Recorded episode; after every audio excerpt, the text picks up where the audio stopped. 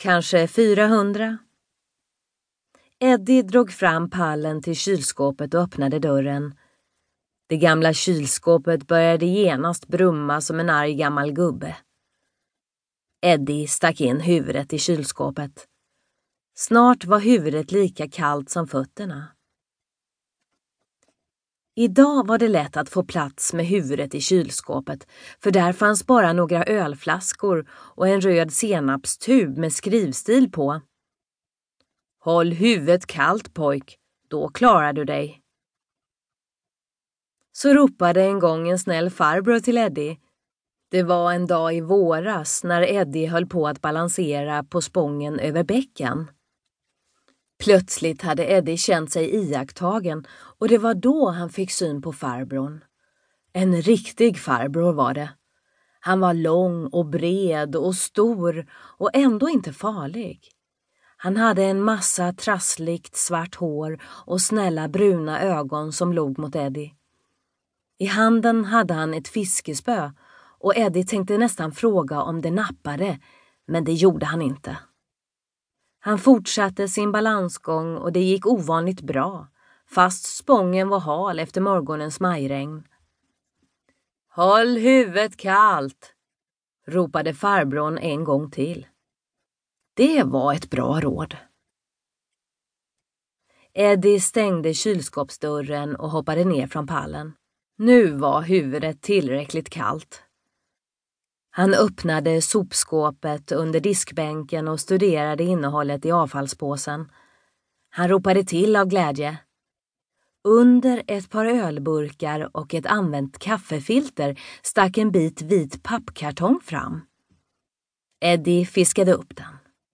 Mycket riktigt. På pappen satt en stor klick potatismos, alldeles gyllene med lite senap i kanten. Eddie rotade vidare och log med hela ansiktet när han fann den lilla vita plastskeden. Han satte sig i träsoffan vid köksbordet med sina fynd och åt långsamt sin frukost medan han tittade ut genom fönstret. Skatorna hoppade omkring i gräset. Plötsligt började Eddie räkna på sina smala bruna fingrar. Han hade bara plåster på tummen. Två, tre, fyra, fem, sex, sju. Just det, sju. Han funderade en stund medan han avslutade sin måltid. Sedan sa han högt till sig själv. Undrar om det är idag jag fyller år. Han öppnade köksdörren mot sensommarmorgonen och satte sig på kökstrappan. Skatorna blev inte rädda. Eddie kliade sig i sitt stripiga bruna hår. Sju år, sa han till skatorna. Sen är det kört. I augusti skulle Eddie börja skolan. Det var inte bra. Mycket hellre ville han ha ett riktigt jobb. Han hoppade iväg till vattentunnan som var nästan full efter de senaste dagarnas regn. Några småkryp kämpade för livet på ytan. Eddie speglade sig i vattnet. Hans ansikte flöt ut och blev stort och intressant.